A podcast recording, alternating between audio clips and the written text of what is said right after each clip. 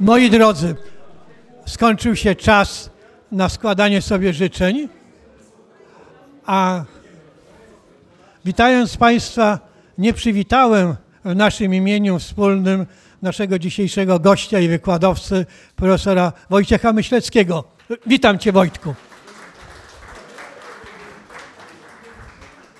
Już po raz 28 w naszym gronie będzie mówił i oceniał sytuację, jaka dzisiaj w świecie jest. A jest ona dziś trudna.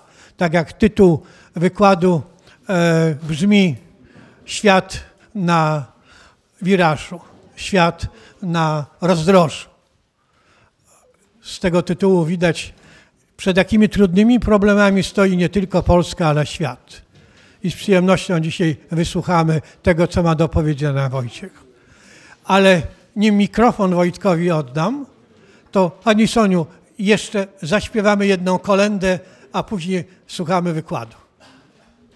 Jaką Państwo sobie kolendę życzycie? Ja. Wesoło. Pójdźmy wszyscy do stajenki. Może być? Pójdźmy wszyscy do stajenki, do Jezusa i Panienki. Powitajmy maleńkiego i Maryję, Matkę Jego. Powitajmy maleńkiego i Maryję, Matkę Jego.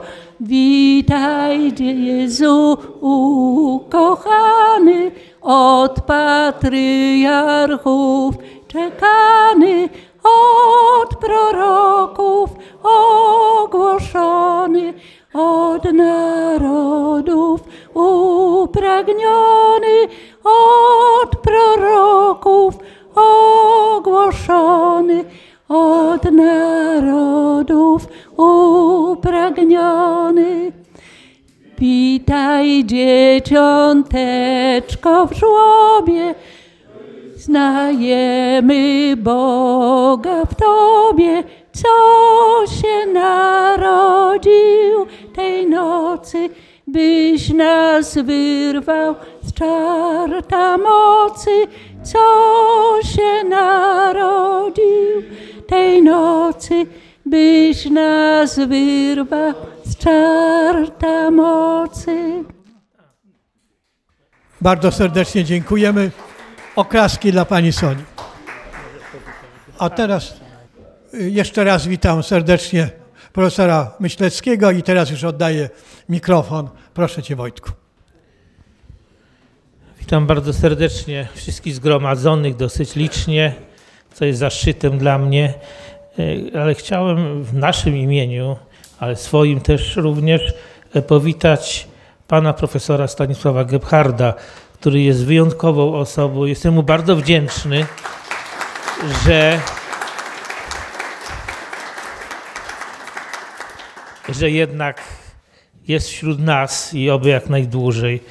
Jest to pewnie jeden z ostatnich, którzy walczył jako żołnierz Armii Krajowej, później był w niemieckim obozie koncentracyjnym, później ogromną robotę na rzecz Polski wykonał, pracując w strukturach chrześcijańskiej demokracji na Zachodzie i wrócił oczywiście, jak tylko pierwsza okazja, mógł to na, natychmiast wrócił, jeszcze sporo e, porządnej roboty politycznej zrobił w Polsce dzięki jego staraniom, na przykład mamy pomnik Romana Dmowskiego, wiele tablic poświęconych Paderewskiemu. W każdym razie jest to osoba, która czynnie do dzisiaj służy Polsce, więc naprawdę bardzo dziękuję Staszku, że przyszedłeś dzisiaj.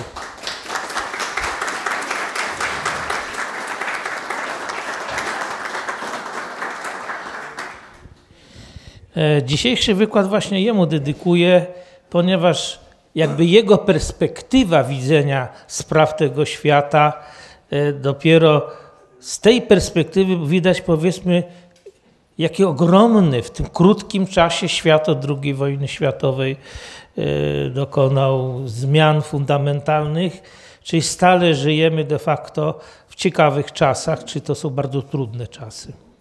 Dlatego zatytułowałem e, dzisiejszy wykład Świat na rozdrożu.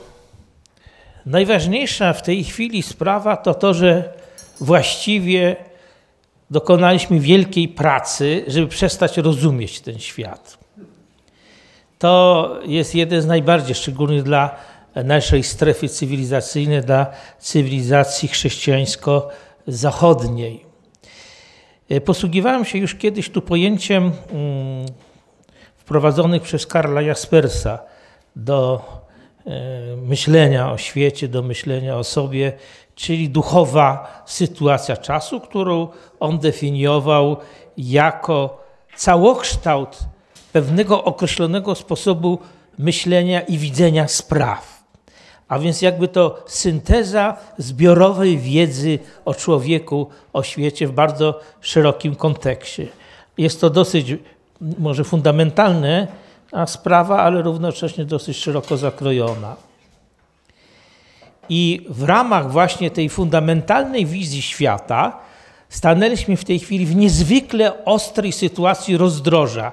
Już nie ma e, szarości między białym a czarnym, tylko po prostu jest w tej chwili jakby dwa różne kierunki w tej chwili, gdzie możemy pójść. Rozpocznę od e, pewnych krótkich sformułowań, które zdefiniowały problem, jaki stoimy w duchowej sytuacji czasu współczesnego, przez jednego z najwybitniejszych e, filozofów, który oprócz tego, że miał głębię myślenia, on miał zdolność takiego precyzyjnego, jasnego postawienia spraw, czyli bardzo skomplikowane problemy potrafił wyrazić kilkoma zdaniami czy kilkoma pytaniami i właśnie przykład takiego ujęcia problemu duchowej sytuacji czasu właśnie ojciec Bocheński sformułował w swoim słynnym, bardzo króciusieńkim eseju Duchowa sytuacja czasu. Napisał, że dokonaliśmy zerwania ze wszystkimi podstawowymi wizjami poprzednich czasów, ale z trudnością przychodzi nam sformułowanie nowych odpowiedzi. Dzisiaj właściwie pewnie by zaostrzył, to jest esej napisany chyba w końcu lat 80. albo gdzieś na początku 90. Mówi, że zerwaliśmy, ale z trudnością. Otóż ja w tej chwili mogę powiedzieć, że nie, nie zerwaliśmy, tylko tkwią, jakby powiedziałbym, w naszej obszarze cywilizacyjnym dwie różne, całkowicie wręcz sprzeczne duchowe wizje naszych czasów. W związku z tym ojciec Bocheński, nim odpowiedział, co on myśli na ten temat, powiedział, że każdy uczciwy myśliciel, czy ktoś, kto sformułuje poglądy, powinien odpowiedzieć sobie na kilka fundamentalnych pytań, bo w ten sposób będziemy wiedzieli, jak widzi duchową sytuację czasu, w jakiej przestrzeni on ją definiuje. Pierwsze, jakie jest miejsce człowieka we wszechświecie. Drugie, czy postęp istnieje realnie, czy tylko jest to pewna koncepcja. Czy można nam dać szeroko, co może nam dać szeroko rozumiana nauka? I jaka jest moc, albo raczej niemoc człowieka wobec świata? Oczywiście w tych pytaniach w jakimś sensie już można mm, czuć pewien jakby postawę Bocheńskiego w tym zakresie. I odpowiedział w ten sposób, może nie bezpośrednio, ale pośrednio dosyć precyzyjnie. Pierwsza rzecz, zjechał z góry do dołu albo od dołu do góry wszystkie główne kierunki myślenia o filozofii, ontologii, y, która jest fundamentem rozpoznania, jak, jaka jest dychowa sytuacja czasu, czyli jaką wizję mamy. Pierwsze scjentyzm, czyli postawienie nauki jako fundamentu wszystkiego, jest zabobonem o wszechmocy poznawczej nauki. Jest to o tyle ciekawe, że ten zabobon w najlepszej w tej chwili rozkwita. Po prostu nie, ja jestem też y, y, skromnym sługą nauk stricte ścisłych, bo jestem jakby inżynierem z wykształcenia i w związku z tym nie mogę się nadziwić, jak można, powiedzmy, mając jednak dosyć dobrze ustanowione fundamenty nauk ścisłych, jak można takie głupoty w tej chwili wypisywać i przyjmować do wiadomości, o czym za chwilę powiem. A więc scjentyzm, czyli absolutyzacja nauki, jest zabobonem według Bocheńskiego. Antropocentryzm jest zabobonem o szczególnej pozycji człowieka we wszechświecie. Jeżeli popatrzymy na rozmiar Ziemi i na rozmiar człowieka, to już musimy się nad tym zastanawiać, nad jego przemijalnością, choćby nad problemami, z którymi sobie nie daje rady, jak ostatnio pandemia i tak dalej. Więc jakby powiedzmy to usytuowania. Jeżeli weźmiemy, że Ziemia nawet nie jest pyłkiem e, w kosmocie, no to dopiero możemy sobie powiedzieć, że jesteśmy jakimś wyjątkowym tworem, ale na pewno nie organizującym e, świat wokół siebie.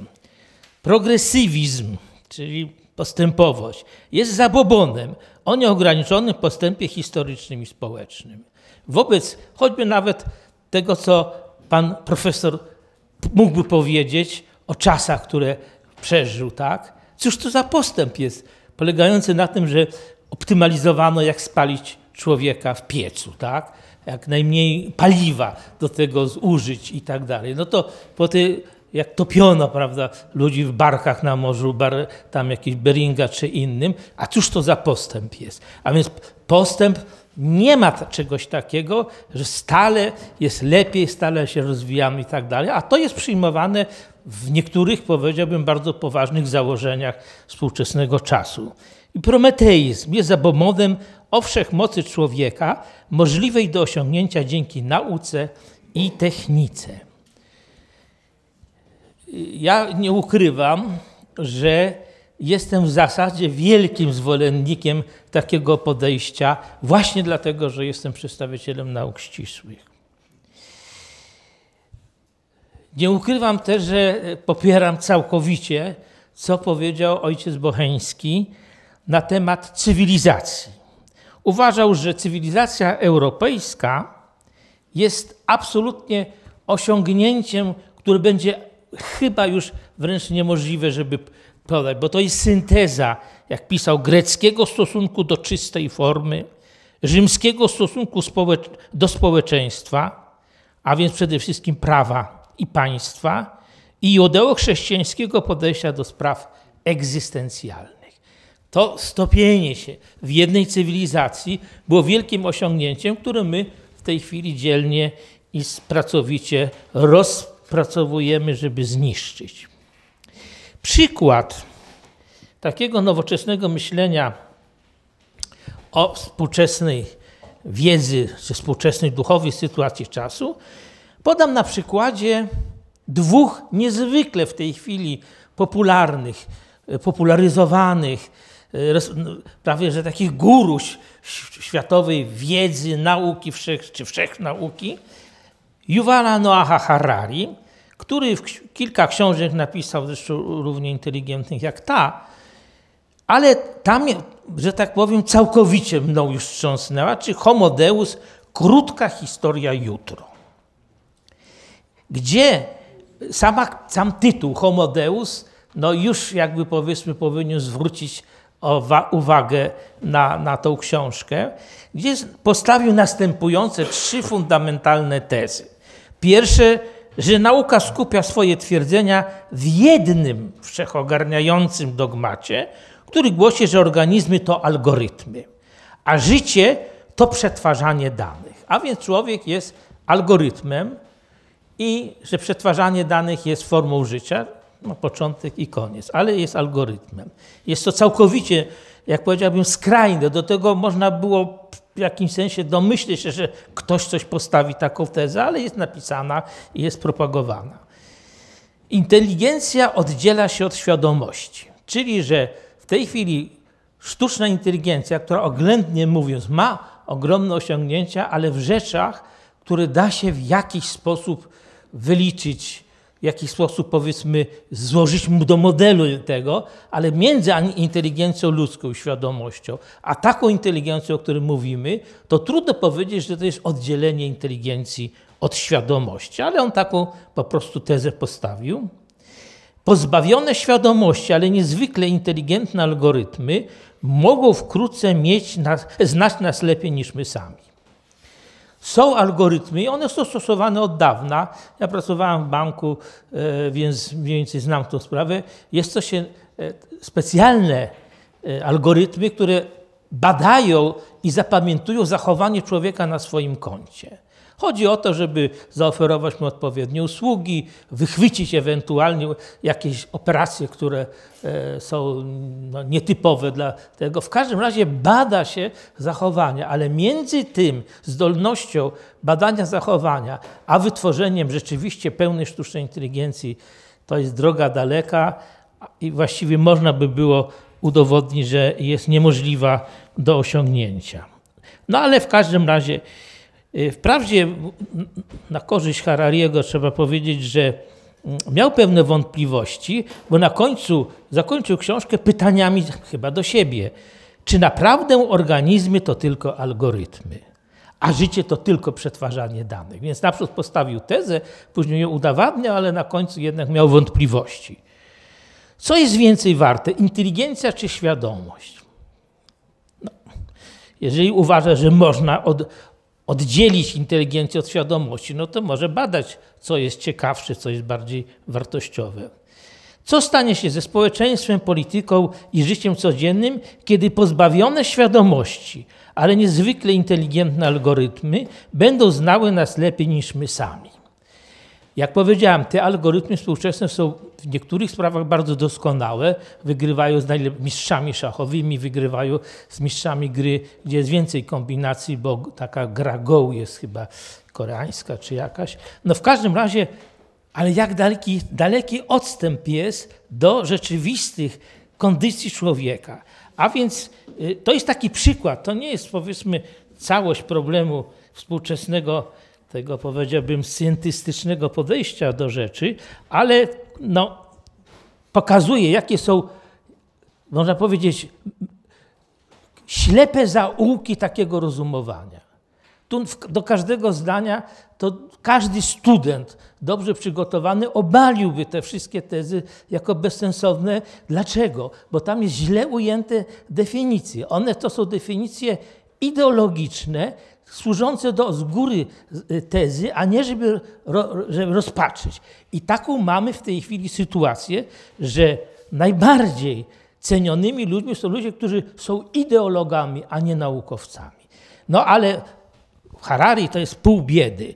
Tu mamy lepszy, jest czołowy religioznawca, tak przynajmniej się go przedstawia w tej chwili, Reza Asjan, który napisał książkę, gdzie następujące postawił tezy. Kluczowe jest, by uznać każdą istniejącą religię za zwykłą ideologię. Proszę bardzo. Dwa. W religii nic nie ma unikalnego, wyjątkowego czy odróżniającego ją od innych ideologii. Niesłusznie umiejscawiamy ją w innych, innej kategorii niż nacjonalizm, komunizm czy humanizm. To jest definicja religii, którą on przedstawił w poważnej książce, nagłaśnianej i tak on powiedzmy w swoim wywiadzie o swojej książce powiedział. I dalej kontynuuje następujące rzeczy. Najnowsze teorie wskazują, że impuls religijny nie niesie za sobą żadnych korzyści adaptacyjnych. Przeciwnie, niesie poważne wady w funkcjonowaniu naszego gatunku, mówi naukowiec. Proszę zwrócić na to zdanie najnowsze teorie, nie jakieś doświadczenie naukowe, nie badania, tylko jego na przykład są najnowsze chyba w tej chwili i one udowadniają, że religia nie ma żadnych korzyści adaptacyjnych. No, co to jest w ogóle? Co? Ja myślałem, że ja no nie wiem, że musiałem przeczytać raz jeszcze te wszystkie zdania, które wypisałem. Ale wtedy jedynym powodem jego istnienia, czyli tego gatunku, byłoby to, że stanowi część czegoś innego, część jakiejś tajemnicy dla współczesnego człowieka, funkcji kognitywnej, którą mózg wytworzył bardzo dawno temu. Wielu ludziom wydaje się, że skoro ich Bóg jest niezmienny, to taka też powinna być religia. A jednak tak długo jak religia będzie ewoluowała wraz z potrzebami społeczeństwa, tak długo znajdzie swe miejsce w świecie. Czyli jest ewolucja społeczeństwa, wyznacza w ogóle funkcjonalność istnienia religii lub nie. Problemem, problem pojawia się wtedy, gdy religia stanowi się, staje się regresywna, gdy staje się argumentem do ciągłego patrzenia w tył zamiast do przodu. Wtedy pojawia się konflikt i to bardzo destrukcyjny. Ja to, jak powiedziałem, każde to zdanie, mówiąc szczerze, gdyby tak naukowo to wziąć logicznie, wyprowadzać jedno z drugiego, przyporządkować znaczenia i relacje między nimi, nie ma sensu. Po co takie książki się pisze? Wchodzimy w niezwykle ostrą fazę, powiedziałam rozdroże, tu już nie będzie żadnej możliwości porozumienia, w ramach tak zwanej walki kulturowej ze starą cywilizacją. Ona służy wyłącznie do stworzenia nowego świata dla człowieka, rozbicia. Dlatego takie głupoty się pisze. Przecież to jest człowiek pewnie wykształcony i dobrze wie, co napisał. I pisze. I to jest później powielane, nagłaśniane i tak dalej. Czyli faza wojny kulturowej, bo to już jest wojna, powoduje, że albo świat pójdzie jedni jedną stronę, drudzy w drugą i nie będzie już porozumienia, albo nastąpi rozstrzygnięcie. Destrukcja w tej chwili tego świata współczesnego przez tego sposób myślenia jest daleko posunięta. Najgorsze jest to, że instytucja, która stała na straży pewnego ciągłości i fundam wartości, powiedzmy, czy religijnych, czy e, objawionych, powiedzmy, ona w tej chwili, ta instytucja jest też bezradna i też rozbita, mówię o Kościele. Kościół stoi tak samo na rozdrożu. I dawniej, można jeszcze niedawno, w stanie wojennym, Kościół był ostoją, miał jasno wytyczony kierunek, zresztą jeszcze przez Wysz kardynała Wyszczyńskiego, który w wskazaniach świętokrzyskich polecam, jaka to jest szkoła myślenia jasnego, precyzyjnego i jakiego szkoła patriotyzmu, powiedział, że Kościół polski nie ma zwyczaju opuszczać narodu w potrzebie. I Kościół przez dłuższy czas jechał, a teraz nawet nasz, szczególnie episkopat, się pogubił. No, nie bardzo wie, co mówić. Ja przyznam się szczerze, że byłem zdumiony, jak poszedłem do, do kościoła na Klecinie. Proboszcz wyszedł powiedział, że jest list episkopatu, on go nie odczyta, bo on nic nie rozumie, co tam jest napisane i, tam, i swoje powiedział. No nie, ale dochodzi do tego, no tak powiedział, no, że on nie rozumie, obywatel nie będzie tego czytał. I do widzenia. Więc pierwsze, najbardziej, najgroźniejsze i daleko posunięte w tej chwili rozdroże to jest rozdroże w duchowej sytuacji czasu, w naszym sposobie widzenia wszystkich spraw tego świata i człowieka. Drugim rozdrożem jest kwestia rewolucji przemysłowej następnej. I nowe paradygmaty gospodarcze. Tu troszeczkę można powiedzieć jest więcej racjonalności, bo to jest weryfikowalne po prostu przez fakty.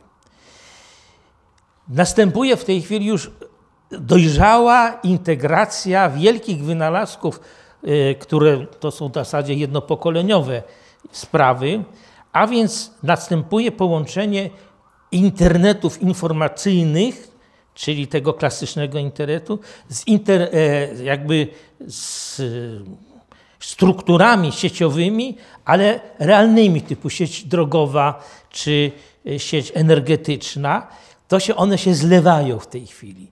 Czyli następuje integracja gospodarki realnej z gospodarką w jakimś sensie cyfrową jako pewna całość jednolita. To w energetyce e, można powiedzieć, że w Polsce przynajmniej to mój zespół, który skonstruował specjalny, ogromny system, który jeszcze do dzisiaj chodzi, do zarządzania całością energetyki, wszystkich elementów i wytwarzania, i odbioru, i sieci łączących, jednolity taki system, no to na tamte czasy, on w tej chwili wygląda na prosty i prymitywny dosyć, ale jest skuteczny, więc, a potem nikt nie wymyślił nic lepszego, więc na szczęście e, ten ci Harari czy coś tam nic nie mają do powiedzenia i ten system sobie chodzi. Ale w razie to się już zaczęło mniej więcej w latach 90. Na to się nałożyły zdolność, tutaj jest na sali do niedawna najsłynniejszy prezes banków polskich, czyli pan Zbigniew Jagieło, który się tym zajmował. On był, inspirował nowe, wielkie systemy do zarządzania bardzo skomplikowanymi przepływami, jakimi są w banku. To on mógłby na ten temat wiele powiedzieć, ale w każdym razie technologie gromadzenia, przetwarzania i wyciągania informacji z ogromnej ilości danych, czyli technologie big data, nałożone na te jednoczące się sieci, to jest zupełnie nowa jakość i na to te algorytmy inteligentnie adaptacyjne. Tylko my posługując się sztuczną inteligencją wprowadzamy sami siebie w błąd. Są inteligentne algorytmy, są algorytmy samouczące, są algorytmy, które niektóre rzeczy lepiej od człowieka rozwiązują albo przynajmniej szybciej. Natomiast nie ma na razie sztucznej inteligencji. Takim, można powiedzieć, o takim guru, powiedzmy, z kolei właśnie tego kierunku zmian, rewolucyjnych zmian w gospodarce jest Kevin Kelly, no, którego książkę przynajmniej fachowcy mogą spokojnie czytać, nie denerwując się, bo pisze na temat, prawidłowo ustawia tezy. On prześledził jakby co jest takim spoiwem w tej chwili napędu tej nowej gospodarki, gdzie się sieci jednoczą, kiedy mamy ogromną ilość i zdolności przetwarzania danych adaptacyjnych i tak dalej. On napisał tak, że w niematerialnej rzeczywistości cyfrowej nic nie będzie niezmienne, ani ustalone raz na zawsze. Wszystko będzie w procesie stawania się. I że przez najbliższą generację będzie dominować 12 wewnętrznych procesów tej rzeczywistości gospodarczej, cyfrowo-realnej, które mają charakter w miarę obiektywny. To znaczy, że ani y, polityka, ani filozofia, szczególnie tak jak Harari i tak dalej, nie będzie miała wpływu, bo te procesy po prostu zachodzą. I my to widzimy że niezależnie, czy będzie pandemia, czy nie będzie i tak dalej, te procesy idą wręcz odwrotnie. Jak jest kryzys, one przyspieszają. W tej chwili mamy dwa całkowicie różne procesy, na przykład właśnie, że z jednej strony nie wiemy, co, jak się zachować, jedni chcą społeczeństwo znowu zamknąć, inni otworzyć, inni, jedni chcą szczepiać, inni nie chcą. No, czyste średniowiecze, dlatego, że mamy zamęt ideologiczny, zamęt duchowy, natomiast te procesy sobie idą dalej. Ja to widzę, bo jestem jakoś tam powiązany z firmami high-techowymi i to idzie, czyli to działa po prostu. I można powiedzieć, że właściwie, jeżeli w ogóle komuś wierzyć na tym świecie w tej chwili, to tylko inżynierom. Nawet fizykom za bardzo nie można, bo nie jestem w stanie tego zweryfikować, ale inżynier no, albo mu się zawali coś na głowę, albo nie, albo to stoi, jest dobrze wyliczone. Więc to jest ostatnia grupa ludzi, którym jeszcze w ogóle można coś zawierzyć wręcz póki nie zaczną pisać filozofię.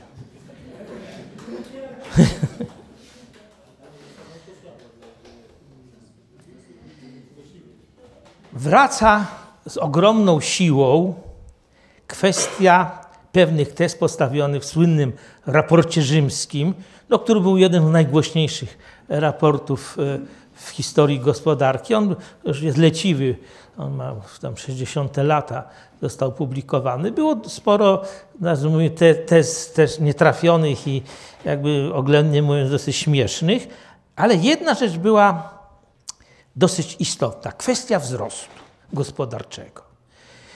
Jeżeli przyjmiemy tak postponowany i słusznie przez ojca Bocheńskiego e, ten e, tezę o nieustającym postępie, to właściwie musielibyśmy przyjąć, że świat stale będzie, PKB będzie na przykład wzrastać, bo to jakiś współczynnik, wskaźnik wzrostu znaczy siły gospodarczej, wzrost PKB jest jakby takim ołtarzem gospodarczym. Wszyscy politycy, wszyscy patrzą, wzrost PKB albo szybszy, albo mniejszy i tak dalej. Ale patrzą na to dosyć uważnie. Teraz wyraźnie już widać, i to co ciekawe, że tu się akurat jest jakiś styk pomiędzy klasycznym myśleniem, czyli takim realnym o świecie, a tym właśnie scjentystycznym, że nie da się utrzymać stale wzrostu gospodarczego. Dlatego, że dochodzimy do granicy zdolności świata do utrzymania jeżeli chodzi o zasoby naturalne, jeżeli chodzi o e, ekologiczną wartość, powiedzmy, jak świeże powietrze, wody i tak dalej. A więc stoimy wobec bardzo poważnego problemu, że dalej się rozwijać nie opłaca, bo szkody uczynione tym dalszym wzrostem PKB będą znacznie większe niż korzyści.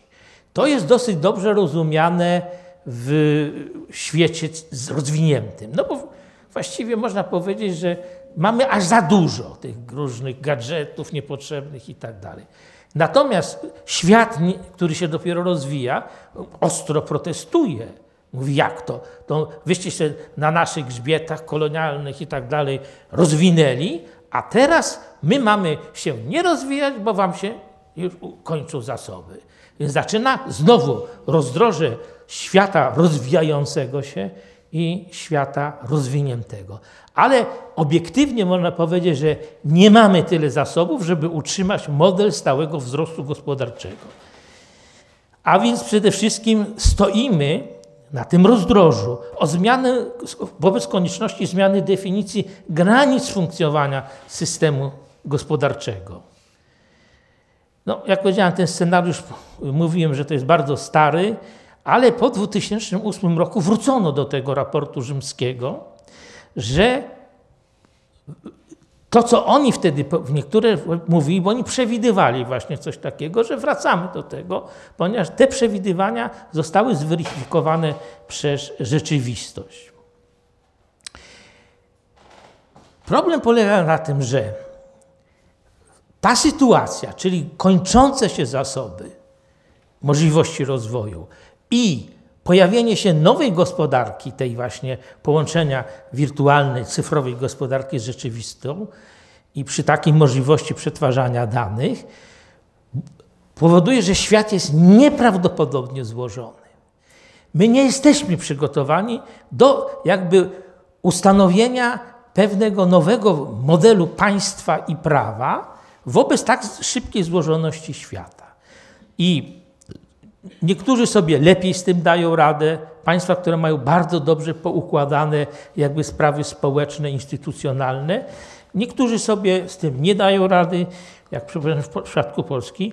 Tworzy ta złożoność i nieprzygotowanie naszych struktur i państwowych, i politycznych, a nawet i naukowych do zarządzania taką złożonością powoduje bardzo poważne rozjazdy. Czyli następne rozdroże to jest te państwa, które jakoś znajdą się w tej złożoności, znajdą na tyle wykształconych ludzi odpowiedzialnych, że przynajmniej wielkich błędów nie robią, a państwa, które nie są w stanie w tą złożonością wejść, do tych nasza niestety należy, ale do tego, jak powiedziałem, wrócę, to znajdą się w bardzo trudnej sytuacji. Pojadą w ścieżkę, która według mnie prowadzi donikąd. To jest następny rozjazd. Patrząc na to wszystko, na te problemy, yy, Jeremy Rifkin, który jest też takim ulubieńcem właśnie tych scjentystów, ale od czasu do czasu wykazuje przynajmniej no, jakiś zdrowy rozsądek, albo przynajmniej sformułował, że to wszystko nie, nie jest do rozwiązania w ramach istniejącego systemu kapitalistycznego i że według niego jesteśmy u progu nowego jakby systemu całkowicie ekonomiczno-politycznego, z nowymi układami generowania władzy, z nowymi układami interesów i tak dalej, i że zarówno styl życia, jak i sposoby rozwiązywania problemów będą oparte o całkowicie nowy paradygmat wspólnoty współpracy. Czyli nie jakiegoś hierarchicznego, sektorowego, branżowego ułożenia gospodarki, tylko że to powoli stanie się taka sieć współpracy, że będzie jakby nowy układ społeczny, dopiero rozwiąże te problemy, przed którymi stoimy. Więc ogłoszono, ja akurat nie zamierzam ginąć za kapitalizm, ale, ale tym niemniej no, taką tezę właściwie on, i ona jest jakby znowu bardzo bacznie, może nie po, obserwowana przez wszystkie strony sceny gospodarczej i politycznej. Takie szybkie zmiany musiały doprowadzić do zmiany układu sił na świecie. Pierwszym czynnikiem, który wymusza, był rozpad Związku Radzieckiego. Tu, no, tutaj siedzi jednak generacja zbliżona do moich roczników, my wszyscy pamiętamy, że politycy, a do, do nich ja należałem, e, którzy mówili, że Związek Radziecki upadnie nieuchronnie, to padały tam ometyzny na Księżyc czy tam na Słońce, to wiadomo, ale że dywizje sowieckie nie stoją w Polsce, tylko stoją na Łabie. że Stalin powiedział, że granice Związku Radzieckiego i systemu komunistycznego wyznaczają linia sowieckich czołgów z czerwoną gwiazdą, że w historii jednak mongolskiej u swoich struktur cywilizacji rosyjskiej nie ma cofania się. Po prostu ich można albo wyrzucić, odrzucić, ale jak wlezą, sami się nigdy nie wycofają. Także i, i, I, wszyscy mówili, że te argumenty. Tymczasem Związek Radziecki się rozpadł, jakoś tak cichcem dosyć, no bez jakiegoś wielkiego hałasu. No i wszyscy powiedzieli, no, no rozpadł się. No okej. Okay, no Czyli jakby zdolność przewidywania pewnych procesów jest bliska zero wśród społeczeństw, które no nie chcą, bo każdy chce żyć spokojnie, nawet ze Związkiem Radzieckim na głowie, no bo naprawdę myśmy już w Polsce za dużo mieli sensacji, więc to było zrozumiałe. Ale w tej chwili tak samo nikt nie uwierzy, że świat się błyskawicznie zmienia, że musi nastąpić radykalna, wręcz tektoniczna zmiana układu sił na świecie i my w tym tkwimy.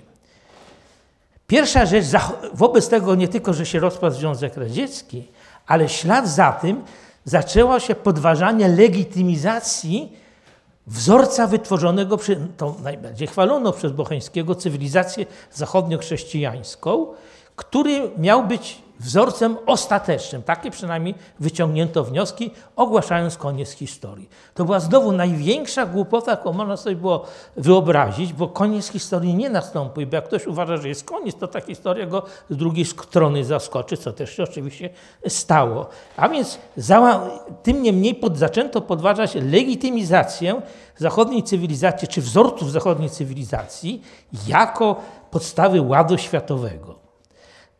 Obecnie w tej chwili, no, zresztą i słusznie chyba trochę, zaczyna się kwestionować, żeby liberalny porządek spraw był porządkiem, który rozwiązuje problemy. No, choćby Rifkin powiedział, że trzeba jakiś nowy system polityczny w miejsce kapitalizmu. Pojawił się silny czynnik, jakim jest muzułmanizm e, światowy, który podważył wszystkie zasady, jakie obowiązują w zachodniej chrześcijaństwie prawo, nasze zasady religijne i tak dalej. On kwestionuje to i uważa, że Zachód jest wymysłem szatana, który należy tak czy inaczej znieść po prostu. Nie będzie tutaj żadnego porozumienia. Załamał się cały system równowagi światowej militarnej, który był oparty na równowadze strachu, że alternatywą pokoju jest zniszczenie świata. No jest to każdy wolał zły pokój niż zniszczenie świata, co jest oczywiste. Pojawiły się nagle Chiny, które były raczej słynną ryżką znaczy miszką ryżu y, utożsamiane, no dzięki naszemu premierowi choćby, ale tym niemniej one były tak traktowane. Ja pamiętam, jak w szkole nas uczono, że dochód narodowy Chin na głowę to jest 200 dolarów czy 180. W tej chwili, według realnej oceny gospodarczej, gospodarka jako całość chińska przeskoczyła gospodarkę amerykańską. I to się wszystko zadziało, powiedzmy, no, w przeciągu dwudziestu paru lat.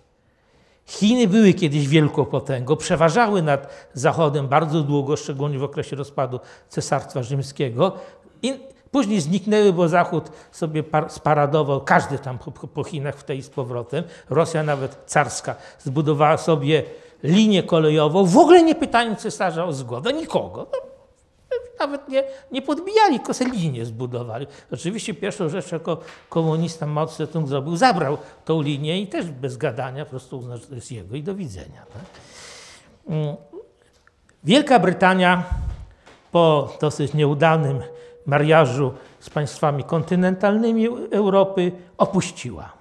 To jest też niesłychanie istotny E, to jest znaczy dużo poważniejszy problem niż my sobie w ogóle w tej chwili e, wyobrażamy. Wobec tego Niemcy, jako potęga gospodarcza, stały się najsilniejszym państwem w Unii Europejskiej. Problem z Niemcami no, to jest bardzo trudny, szczególnie dla nas, ale on jest też nierozumiany. W publicystyce, nawet bardzo poważnej, nie ujmuje się prawidłowo, czym są w tej chwili Niemcy. Jedni uważają, że to jest zakonserwowany faszyzm, to tylko wystarczy, że jeszcze są okoliczności, że oni pokażą znowu, co potrafią. Z drugiej strony to jest inne państwo. Inne od wszystkich pozostałych, dlatego że je odbudowywano jednokierunkowo, jakby w małej przestrzeni, czy filozoficznej, czy politycznej, jako gospodarkę.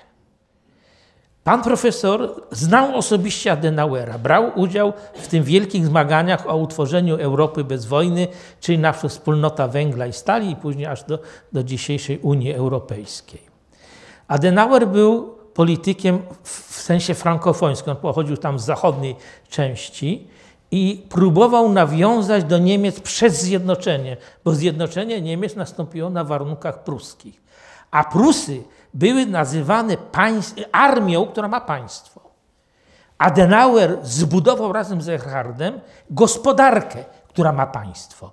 Czyli gospodarka się liczyła, reszta była nieważna.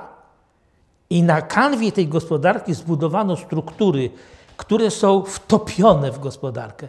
Rząd niemiecki nie jest rządem państwa i prawa, jest, ale to tak formalnie, jest częścią gospodarki. Decyzje rządu niemieckiego podejmowane są jako, jakby powiedziałbym, synteza gospodar interesów gospodarczych Niemiec. Bo Niemcy, szczególnie ci zachodni, sami się bali Niemiec Zjednoczonych i zbali się armii niemieckiej. Na Niemcy nałożyła się przez, do niedawna bardzo prosta polityka sformułowana przez generała Pattona. To był ich historyk, wybitny dowódca. I on powiedział trzy krótkie nawet równoważniki zdań. Jak ma wyglądać porządek w Niemczech?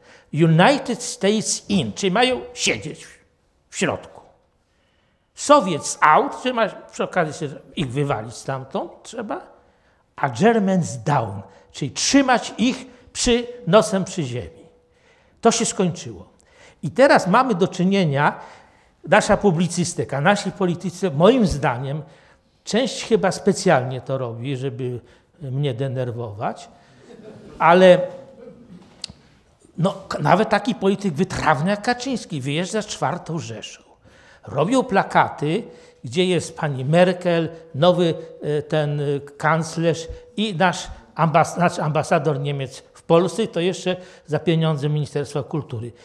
Takich rzeczy się nie robi. Niemcy wiedzą o tym, że są silni, nakładają pewne swoje ograniczenia, łamią.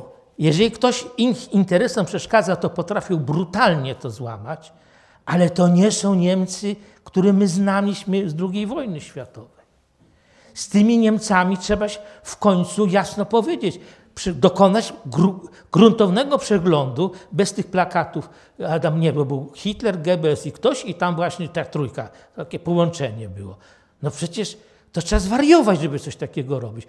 Jedynym państwem bezwzględnie silnym, które leży na zachód od Polski są Niemcy.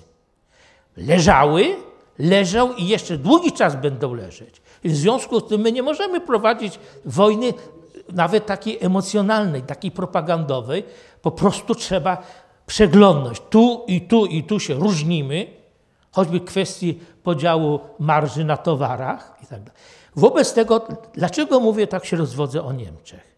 Niemcy i stosunek do Niemiec nowy rozdroże nam zbudowało, że gospodarka, która siedzi cicho, mimo że jest prywatna, szczególnie małe i średnie przedsiębiorstwa, one, większość z nich jest oparta o współpracę z gospodarką. 30% naszego eksportu to jest Niemcy. Linie kooperacyjne są krótkie, linie logistyczne są krótkie. My nie możemy sobie pozwolić na luksus, że prawie cała prywatna gospodarka ma racjonalne relacje z Niemcami, a my budujemy czwartorzecz i plakaty Hitler, Goebbels, już nie pamiętam, kto tam był trzeci, ale była pani Merkel, nowy kanclerz i ambasador Niemiec w Polsce na plakacie. I to jest, to jest po prostu, na tym się trzeba bardzo głęboko, jak mogło dojść do takiej nieracjonalności. A równocześnie Rosja nam zaczyna, no za chwilkę o tym powiem, więc tym całym okropnym układzie, jaki mamy, przy tych wszystkich radykalnych, szybkich zmianach w gospodarce, i w, w tym e, duchowej sytuacji czasu, o postrzeganiu duchowej sytuacji czasu, i równocześnie w tych zmianach gwałtownych e, w, w średnim układzie, czyli Unia Europejska, Wschód-Zachód i cały świat, my po prostu nie mamy żadnego modelu, co się naprawdę dzieje, albo udajemy przynajmniej, że nie mamy. Unia Europejska jest w okropnym kryzysie, bo zarówno instytucjonalnym, ale też duchowym, dlatego że to zwarcie pomiędzy scjentyzmem i tym podobnym, co wymienił ojciec Bocheński, a jednak normalnością pewną normalnych ludzi, którzy są jakoś historycznie zamocowani, nie ma porozumienia w tej chwili. My to bardzo widzimy na naszej polityce. To, że na Polskę też najeżdża się w sposób okropny, to wynika, że zostaliśmy zapisani do tej antyscjentyzmu, antyprogresizmu i tak dalej. I to jest walka ideologiczna. My staramy się racjonalnie coś od czasu coś powiedzieć. Nie. Cała na przykład ta sprawa zielonej energii jest bardzo ważna dla świata, ale ona jest podszyta tak mocnym e, jakby podglebiem ideologicznym, że nie można znowu tego rozsupać, racjonalności od ideologii. I wobec tego, na przykład, jeżeli ktoś się przeciwstawia współczesnej tej energetyce, tej zielonemu ładowi, to jest traktowany jako po prostu ktoś, kto szkodzi. To jest szkodnik gospodarczy. W Związku Radzieckim przynajmniej rozstrzeliwano, był taki okres, że najlepszych, nie, no, ale najlepszych inżynierów rozstrzelano przecież w latach 30. jako szkodników gospodarczych, wybitnych inżynierów. Tu polewa przecież jednego z geniuszy konstrukcji tego, on konstruował te wszystkie wspaniałe samoloty, w tym w gułagu siedział, tylko że może w lepszym baraku. No to, to nas tak powiedzmy zaczyna, bo tam, gdzie wchodzi ideologia, tam nie ma żadnego pardonu. I, i znowu, zamiast zracjonalizować nasze relacje z Niemcami, tam, gdzie się da, to zracjonalizujmy, wyłączmy to z tego sporu ideologicznego, a tam, gdzie jest nie do uzgodnienia sprawy, no to walczmy, ale bez tego plakatu z Hitlerem i panią Merkel jako nas, jego następczynią w prostym tym. Chiny. Chiny, które w tej chwili są centrum i takim agregatorem i silnikiem zmian w całym świecie. Chiny też nie do końca są rozumiane, ale dużo lepiej, ponieważ no, tu był bardzo dobry wykład profesora Góralczyka. Bardzo mało osób przyszło, mimo że to jest absolutnie człowiek, który rozumie Chiny. No mało, to nie jest takie łatwe według mnie. Zacytuję z XI wieku zdanie z wielkiego poety takiego i yy, chińskiego. Niebo jest u góry, ziemia w dole, a to, co pomiędzy niebem a ziemią, nazywa się Chinami. Ci na obrzeżach są obcy. Obcy należą do tego, co zewnętrzne, a Chiny do tego, co wewnętrzne. Państwo środka nie wzięło się, że oni uważają, że leżą w środku. Wszystkie oni dużo lepiej wiedzieli, jak Ziemia wygląda, bo wiedzieli, że Ziemia jest okrągła i Vasco da Gama jechał według mapy, którą w Makao założono tam jakąś enklawę i kupiono za ciężkie pieniądze. Tą mapę oni gdzieś tam schowali na, na najniższej szafie na samym dnie, ponieważ z różnych powodów, o których nie ma czasu mówić, w każdym razie oni doskonale wiedzieli, jak wygląda Ziemia. Czyli, ale uważali, że tego. Oni uważali się za państwo środka, że są między niebem a ziemią, że są łącznikiem. I oni uważają się za państwo nadzwyczajne i państwo nieporównywalne z niczym, a reszta to są obcy. No, to trzeba jakoś tam ich tolerować, lepiej lub gorzej, układać się z nimi, ale to nie zupełnie inna kategoria. Czyli pojawiło nam się w skali gigantycznej następne państwo, które uważa się za wybrane i to nie tylko na Ziemi, ale również w jakiejś tam przestrzeni e, transcendentnej. No, to pro, mamy problem oczywiście, bo tam z Izraelem były problemy i to wiesz, ile tam ci biedacy wycierpieli, bo byli nadzwyczajni, no to teraz w takiej skali, no to problem będzie bardzo duży. Ale opublikowano dwa lata temu program o Wielkie Chiny, gdzie napisano wprost po prostu o co Chinom chodzi. Pierwsza rzecz, że Chiny mają wrócić na dominującą pozycję w Azji, przynajmniej taką, jaką zajmowały przed najazdem Zachodu, bo oni uważają, że na nich najechano, oni sobie tam siedzieli, mieli piękną kulturę i tak dalej, to wszystko zniszczono, był zamęt, w tej chwili wychodzą. Następnie, że muszą mieć kontrolę nad terytorium Wielkich Chin. Jeżeli pojawia się w polityce poważnego państwa pojęcie Wielkich Chin, to wiadomo, że będą konflikty, bo to, się, to nie jest ostra granica. Następnie, trzeba do terytorium wpiąć jak najszybciej, przede wszystkim Hongkong już tam zjadają powolutku i Tajwan. Czyli naj, następny jest Tajwan i oku, jeżeli to pójdzie jeszcze parę metrów do przodu, ten trend w kierunku Tajwanu, a Chińczycy są bardzo cierpliwi i konsekwentni, to będzie wojna. O Tajwan na pewno musi być jakaś forma wojny. Może nie bezpośrednio o Tajwan, ale przegrupowanie całego układu sił, nowe sojusze. Tak Następnie odzyskanie historycznej strefy wpływów wzdłuż granic i mórz ościennych handlowa dominacja nad przestrzenią euroazjatycką. Czyli mają odzyskać to, co należy się im jako ich pozycja w świecie. Domaganie się szacunku od innych wielkich mocarstw na światowych salonach. Chińczycy są bardzo wrażliwi na tym punkcie nasza dyplomacja i szczególnie ludzie z gospodarki bardzo często tego kompletnie nie zdają sobie sprawy i robią afronty kompletnie nikomu niepotrzebne, ale dla Chin to jest fundamentalna sprawa. To jest przykład planowania chińskiego. To jest nowy wielki szlak i wielki pas. Proszę zwrócić uwagę, że nie pytając nikogo, to jest normalne jest w takim no jakby cywilizacyjnym układzie światowym, politycznym, dyplomatycznym, że nie rysujesz swojej drogi przez czyjeś terytorium, nie zapytawszy się, czy oni jakoś w ogóle to rozważają i tak dalej. Oni nikogo nie pytając o zdanie, narysowali, którędy to ma iść i już. I proszę bardzo, mamy tutaj ten. Co, co, co tu widać na tym? Łączą dwa otwarte akweny, największe na świecie, czyli Pacyfik z Atlantykiem bo zaczyna się to wszystko na wybrzeżu Pacyfiku i idzie, przepraszam bardzo, nie wziąłem myszy, ale tutaj pokażę strzałkę. O, i tu się kończy.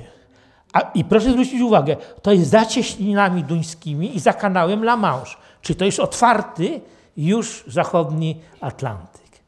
Takie szlaki to idą tej chwili. I oni to budują kawałkami, ale nie pytają specjalnie o zdanie. A więc mamy następny problem, to są Chiny.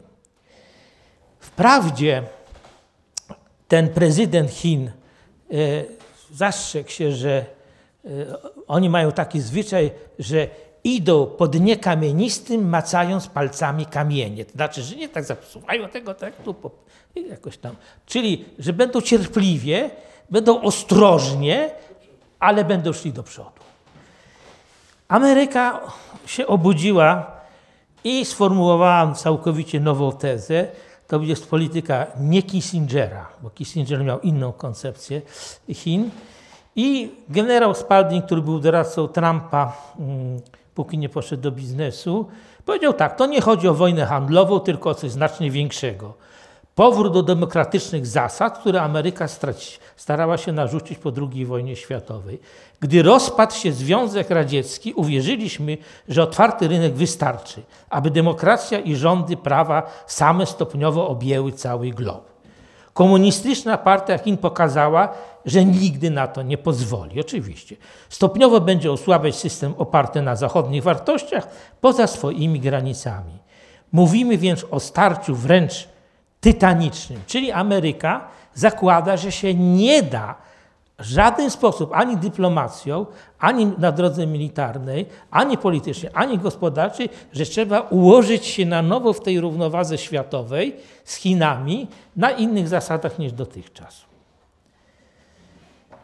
Rozdroże europejskie.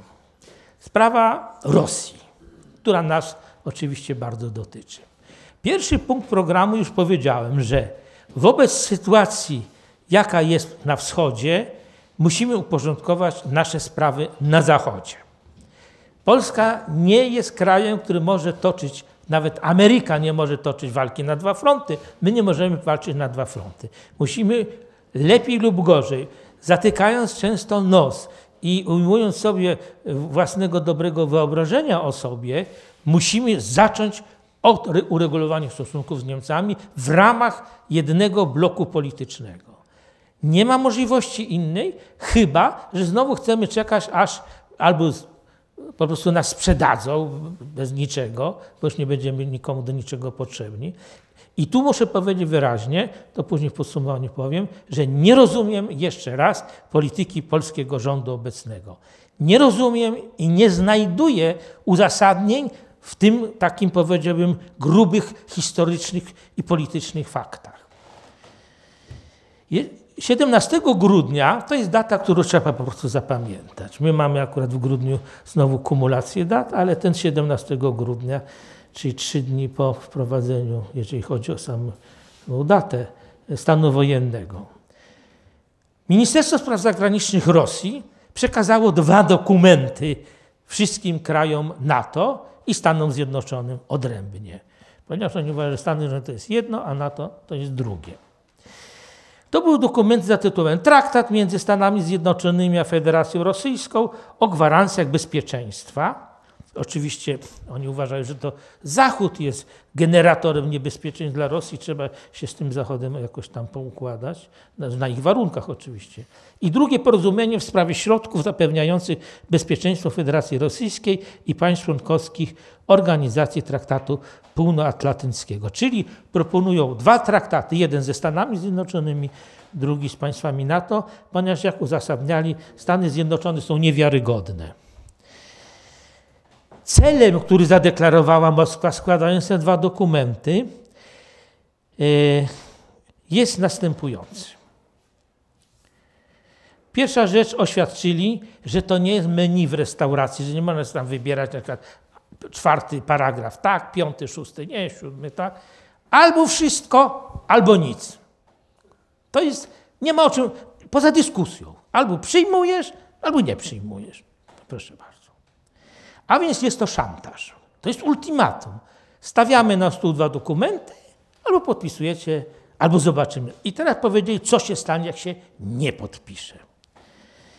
Jeżeli Zachód nie zaakceptuje rosyjskiego ultimatum, to jest y, oświadczenie wiceministra spraw zagranicznych Aleksandra Gruszko, Europejczycy muszą też zastanowić się, czy chcą uniknąć uczynienia ze swojego kontynentu sceny konfrontacji militarnej. Mają wybór. Albo poważnie traktują to, co położyliśmy na stole, albo stoją przed alternatywą wojskowo-techniczną. To jest ultimatum. To są wszystko cytaty ten. Pytanie, po co to Rosja zrobiła? Znowu w naszej publicystyce rozważa się, wejdą, nie wejdą, uderzą, nie uderzą, ale po co mieliby uderzyć? Po co im chodzi? Proszę zwrócić uwagę na to, to jest wykaz dochodu narodowego, tego, który krytykujemy, przynajmniej ja, ale jest. Chiny to jest y, cel nie sile nabywczej, czyli takie jakie urealnione według cen wewnętrznych, kosztów usług i tak dalej, kosztów życia. Chiny 23,4 biliona. Bilion to jest tysiąc miliardów dolarów. Stany Zjednoczone 21,4, Unia Europejska 27, Rosja 4,1. Czyli Rosja wydaje dwóm potęgom, które mają po 20 bilionów dolarów, mają 4. Rzuca wyzwanie, stawia na stole ultimatum, że albo podpisują, albo techniczno-militarne rozwiązania na kontynencie. Dla jeszcze przykładu podałem, że e, Niemcy mają 4,7, tak? Y, czyli mają więcej niż Rosja sama, a Polska 1,3. Y, to jest y, osiem, końca 18 roku. Ja jeszcze przeliczyłem na dzisiaj.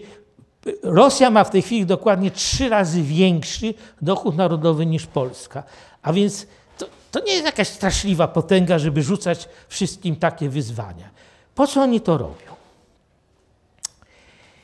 Pierwsza rzecz, oni sami rozpracowali Zachód i zrobili wszystko, żeby te scjentyzmy, te e, progresizmy wzmocnić, żeby tych wszystkich ekologów wzmocnić, żeby te prawicowe ruchy wzmocnić. Oni zinfiltrowali i skorumpowali wiele elit i europejskich, i w Stanach Zjednoczonych. Dlaczego to wiadomo? Jeżeli ktoś się zna w ogóle na tej głębszej mechanizmach politycznych. Oni nie boją się skonfiskowania majątków, bo ja sam się dziwiłem i zapytałem paru ludzi, którzy jakby profesjonalnie się tym zajmowali, czy zajmują, takimi rzeczami. Dlaczego nie skonfiskować? Nie powiedzieć na przykład, a proszę bardzo, atakujcie, my wszystkie pieniądze wam zabieramy. Macie bilion dolarów u nas na kontach, tu macie tyle działek i tak dalej. Wszystko znamy, że jesteście zbrodniarzami, zablokujemy i wyłączymy wam SWIFTA, nie będziecie mogli w ogóle tego. Dlaczego tego nie powiedzieli?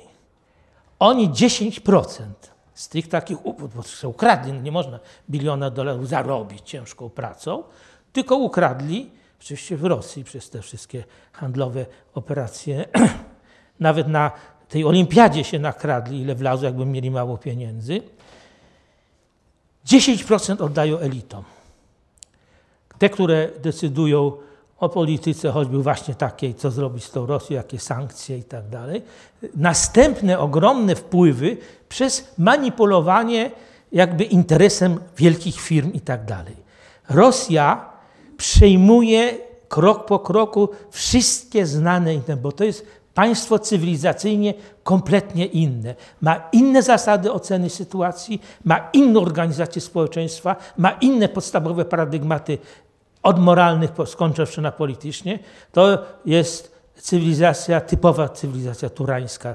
To świetnie Koneczny upiął.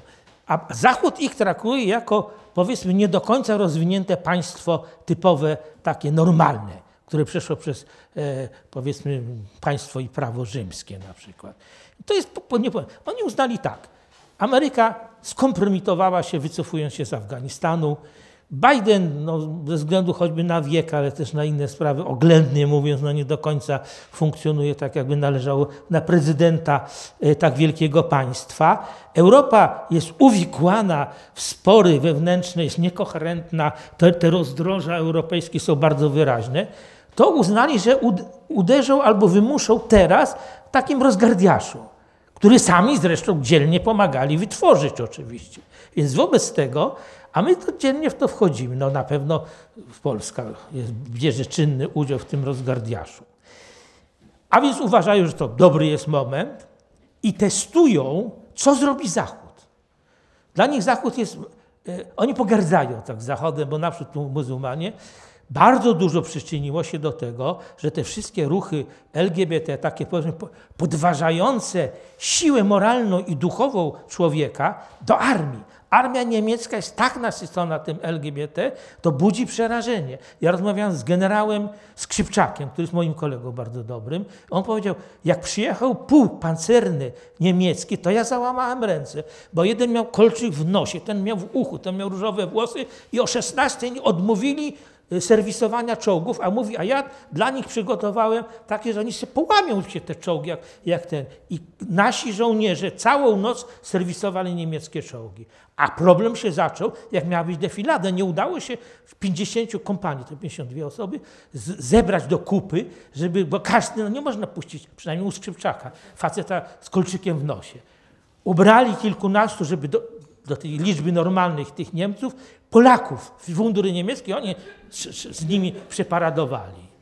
Tak wygląda niemieckie. Po 16 oni drogich czołgów wiedzą, jak jest ciężkie będzie przeprawa ze Skrzypczakiem, bo on przecież tam wymyślił straszne rzeczy dla tych czołgów.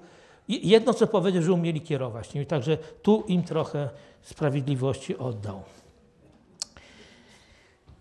Jedna z najwybitniejszych znawczyń Rosji i jedyna rozsądna, bo jak ja czytam już tyle lat, co się o Rosji wypisuje, to nigdy nie trafią. Nigdy piszą zupełnie co innego, wszyscy kryminolodzy. Nigdy nie przewidzieli prawidłowo, co chce zrobić Rosja. On napisała tak. Najlepszą polityką wobec szantażu Rosji jest milczenie i dystans. Nic nie rób, nic nie mów i stój na swoim miejscu. A niech oni z tymi dokumentami leżą, niech leżą sobie. To położyli na stole ich dokumenty, niech sobie leżą po prostu. Dwa. Trzymanie się dialogu za wszelką cenę, zwłaszcza gdy Moskwa trzyma nas na muszce, jak szaleniec trzymający zakładnika, tylko pokazuje naszą słabość i zachęca Kreml do eskalacji żądań. I trzy, przede wszystkim musimy przestać nadawać na zimną wojnę i jej reguły. I pejoratywne konotacje są wojną zimną. Na to, które ta strategia nie zasługuje. Tak długo, jak pozostaniemy w ramach koncepcyjnych zimnej wojny, jej negacji, jej korzyści, Rosja wygra wszystko. Zimna wojna zakończyła się sukcesem, właściwie rozbiciem Imperium Rosyjskiego, ale to jest Wańka Stańka. Tam zresztą nie, nie dziwię się, że akurat w Rosji to wymyślono, Wańkę Wstańkę, dlatego że ona się znowu podnosi. Ona jest jak taka hydra. Utniesz łeb, tam dwa nawet, poczeka, poczeka, to odrośnie i dokładnie to samo robi, co miała. Rosja jest przewidywalna bardzo. Zachód jest nieprzewidywalny. I na tym siła 40 bilionów przeciwko 4. To jest y, prawie 800 milionów przeciwko 140, jeszcze połowa zapita jest i, i, nic innego nie robi, tak? To o czym my rozmawiamy? Po co jeżdżą? Po co dzwonią? A niech cholera robią to, co chcą, no. I do widzenia, no. Czy nic nie zrobił? Jak oni mogą rzucić wyzwanie rzeczywiste takim potęgom? Nie zależy nawet, jeżeli tam jest LGBT i tak dalej. Podsumowanie polskie. Co z tego dla Polski wynika? Już z konieczności po drodze mówiłem o tym.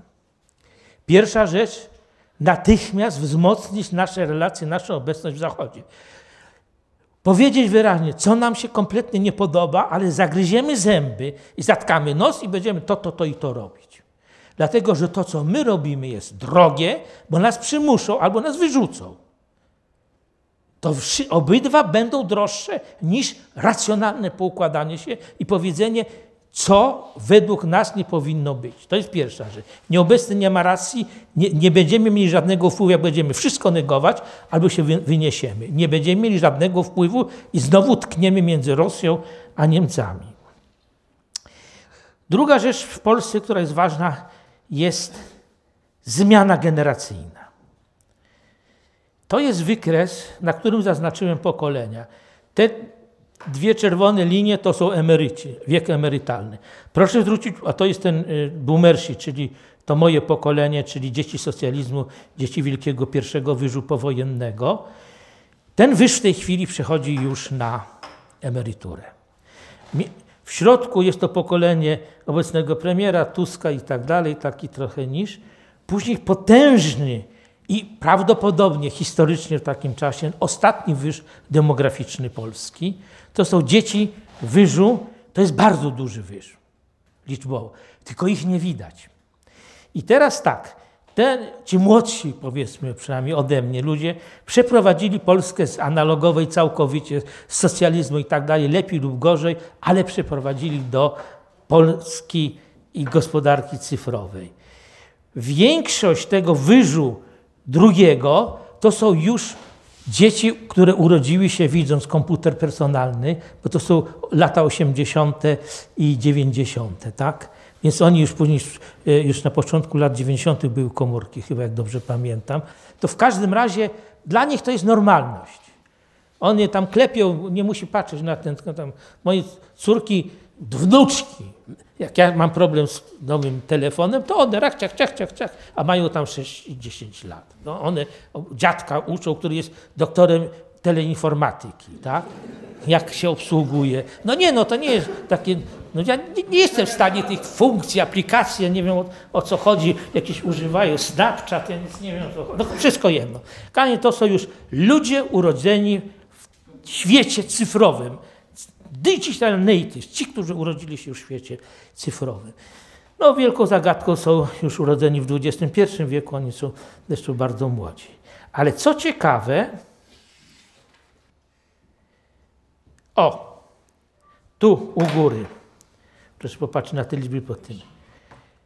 W zeszłym roku to pokolenie Y i Z, czyli ten wyż powojenny i urodzeni w XXI wieku, ponad 50% ludzi w wieku produkcyjnym, to są te dwa pokolenia. Ponad, za trzy lata to będzie 75%. To te pokolenia pójdą zupełnie w ten, potrafią zrozumieć i mam nadzieję rozprawić się z tymi rozdrożami, które moje pokolenie i Staszku twoje już też za przeproszeniem, my nie jesteśmy w stanie już wybrać tych rozdroży. My jedziemy po tej swojej starej, znanej nam drodze. Oni podejmą takie decyzje, że te rozdroża może nie będą dla nich rozdrożami, może znajdą jakieś takie miejsce ten. A więc mamy sytuację tego. Badania nad tymi pokoleniami bardzo rozległe, zrobione nie przez jakąś firmę polityczną, tylko zawodową, e, doradczo-księgową. Firmy Deloitte to właściwie są księgowi, więc oni nie umieją oszukiwać, bo liczą doskonale. Stwierdzili, co następuje że dla tego pokolenia te zmiany klimatu są niezwykle ważne, ale raczej ze względów nie tam jakieś tam energię wędę, tylko ze względu na oddziaływanie na człowieka, na wartość dla nich właśnie tego normalnego świata. Dwa, że bardzo jest y, y, popularny wolontariat i wsparcie dobroczynne. I brak kompletnie obciążeń tego okresu agresywnego liberalizmu, który wytyczył ścieżki transformacji w Polsce. To, co my odczuwamy tego, w każdym razie oni sobie z tym doskonale dadzą radę. Co myśmy im zostawili, co możemy sobie za chluby poczytać, bo my już odchodzimy. To jest wykres od 1800 e, którego roku, przepraszam, tak, powstał Lloyd, czyli firma ubezpieczeniowa, no, która nie mogła sobie pozwolić na nieznajomość rozkładu dóbr i tak dalej i zaczęli liczyć coś, jeszcze to się nazywało e, PKB.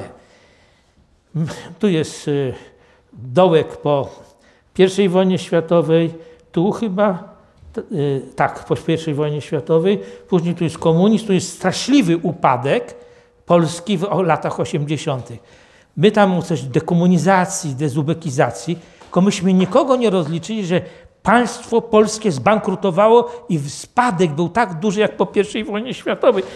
To w II wojnie światowej, bo Niemcy szybko wleźli, postawili te zakłady zbrojeniowe i tak dalej. Tu jest największy spadek, bo armie stały na terenie Polski, wyżerały co się dało tylko. I Jaruzelski ze swoją ekipą, to jest spadek od 76 roku, od załamania się tych reform. I jak niesprawiedliwie ze krzywdą dla wielu biednych, szczególnie jakichś tam pegierowców i tak dalej, wyciągnęliśmy tu.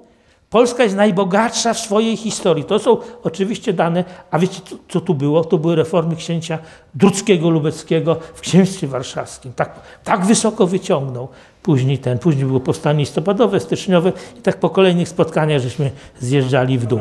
Tu zostawiamy temu pokoleniu Wiele problemów nierozstrzygniętych, wiele rozdroży, które pojawiły, wiele dylematów, choćby powiedzmy właśnie jak kwestia, czy, czy, czy w końcu my wejdziemy tym zachodem, czy nie, ale wiel, najwyższy w historii Polski od czasu, kiedy zaczęto to liczyć. Twierdzą, że porównywalny poziom, oczywiście względny, bo to nie jest taki bezwzględny, to jest względem najsilniejszego państwa. To jest ważone w tej chwili gospodarką amerykańską, tu było ważone gospodarką angielską, a tu francuską. Czyli dzielono, jakby odnoszono się do gospodarek relatywnie w stosunku do tych gospodarek. Czyli to jest bardzo wiarygodny wykres. I to im zostawiamy. Co dalej jako podsumowanie? Bo powie, no to tyle tu dylematu, tu Rosja coś tam zrobi, Wańka, Stańka, tu tego, ale co z tego wynika dla Polski? Dla Polski wynika jedno. Ja, to jest cytat pisarza i publicysty Edwina Bendyka, czyli nie pracownika takiego, który jest pracownikiem frontu, występuje jako gwiazda, czy tam w, u Kurskiego, czy tam w TVN-ie, czy gdzieś. To jest pisarz i dobry publicysta, oczywiście nie ukrywa swoich sympatii, bo siedzi w polityce tam publicystą. Tragedią państwa PiS polega na tym, że w odpowiedzi na rosnącą złożoność podejmuje ono działania, które prowadzą do radykalnej redukcji owej złożoności, alienacji państwa i jego ucieczki z rzeczywistości w sferę mitów i fantazji. Czyli polityka obecnego rządu nie rozwiązuje żadnych kluczowych, realnych problemów państwa o strategicznym znaczeniu. Dodałbym, że państwu temu, czyli naszemu i rządowi, demokratycznie wybranemu.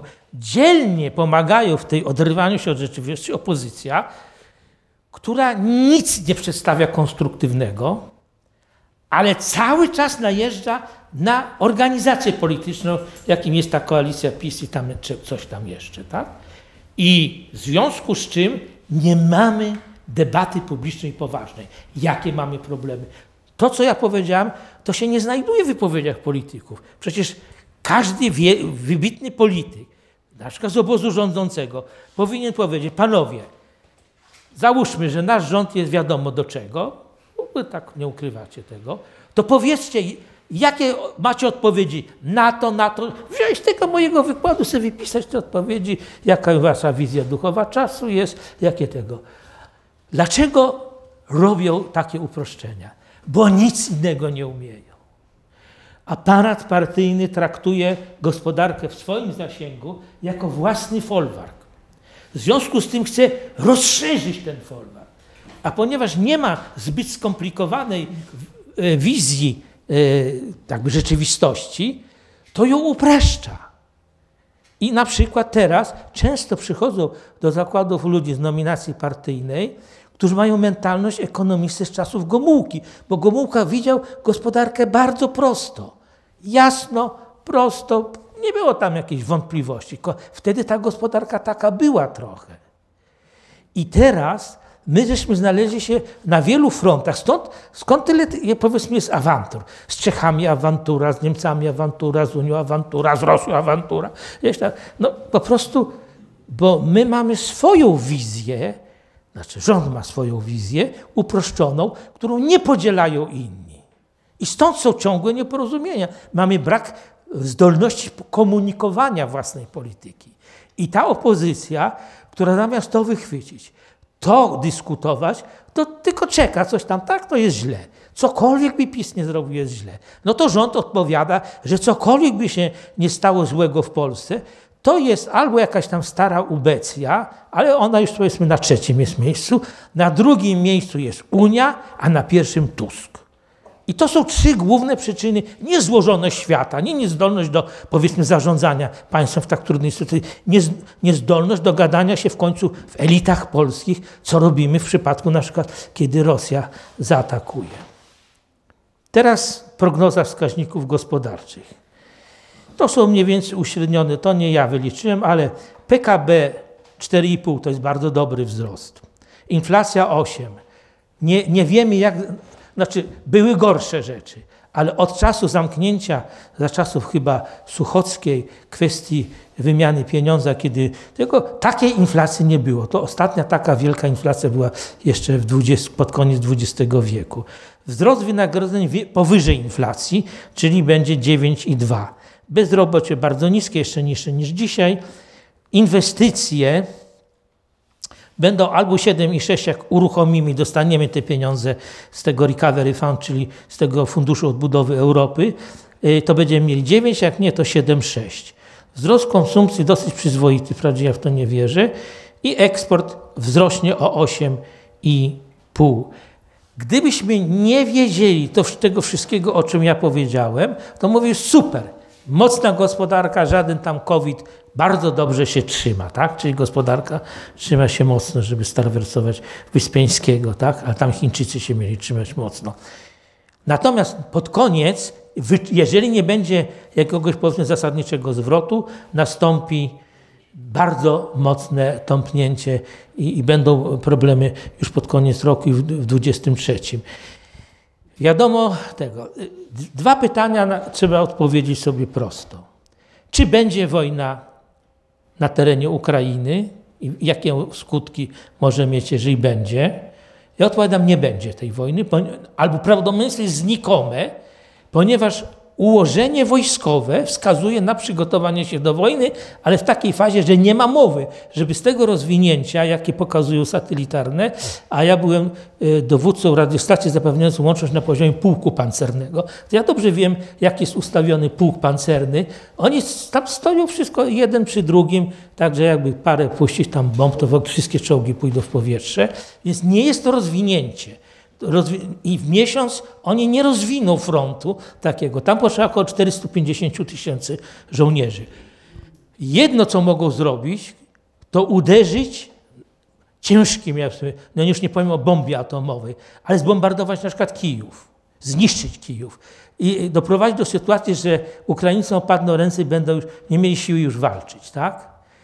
Ale wtedy Rosja znajdzie się w takiej sytuacji, jak w końcowej fazie Związek Radziecki. Zostanie podjęta decyzja zaduszenia ekonomicznego Rosji. Ameryka nie wyśle tamtego. Więc z punktu widzenia jakby gospodarczego jest znikome. Wojskowi uważają, że jest troszeczkę inaczej, ale być może, że chcą trochę zmobilizować swoje tego. Natomiast jeżeli chodzi o, o rząd, rząd ma dwie możliwości. Jechać dalej właśnie w kierunku Gomułkoszczyzny gospodarczo-państwowej, albo dokonać reorganizacji rządu, nawet za cenę, żeby to był rząd mniejszościowy i zrobić zwrot w kierunku świata, który widzi pokolenie Y i Z. Czyli muszą ustąpić ci starsi, oczywiście nigdy dobrowolnie nikt nie odda władzy, to od razu mówię, ale tym niemniej musi być reorganizacja wewnątrz rządu. Dlaczego mówię, że rząd tylko może zrobić? Ja z opozycją starałem się rozmawiać, podpowiadałem, animowałem jakieś think tanki. Nic.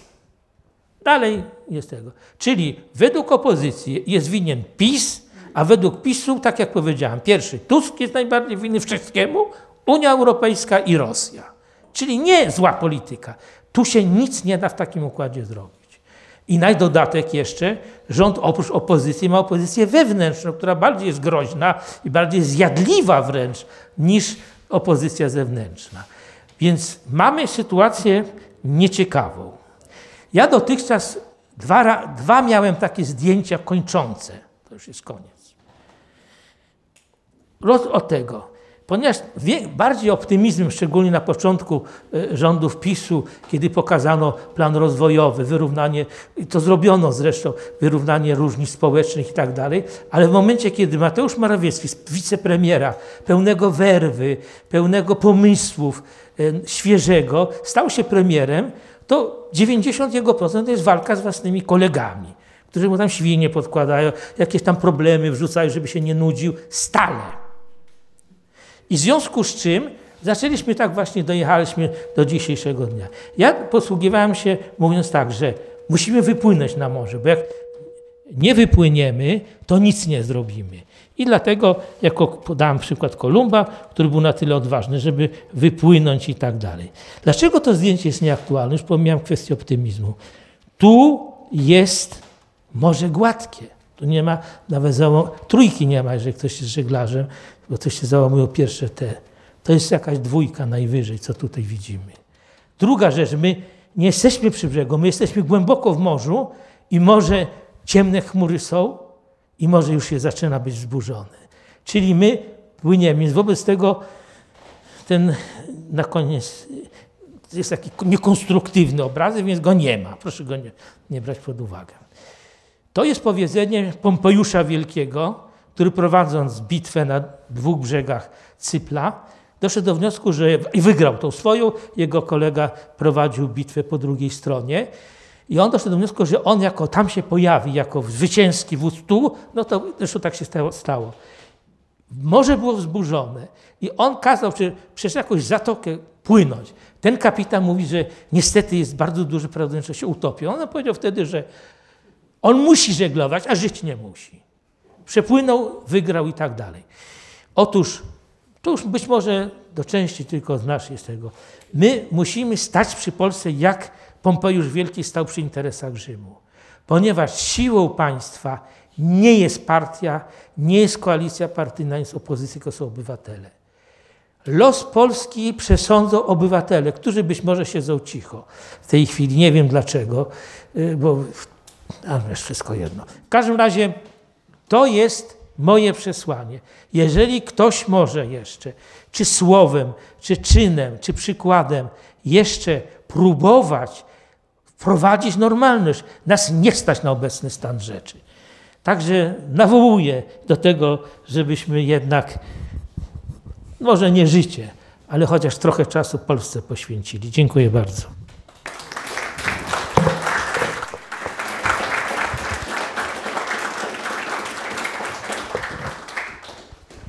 Przede wszystkim bardzo serdecznie Ci Wojtku dziękuję. Widzę tutaj osoby zgłaszające się e, e, do wypowiedzi i dyskusji.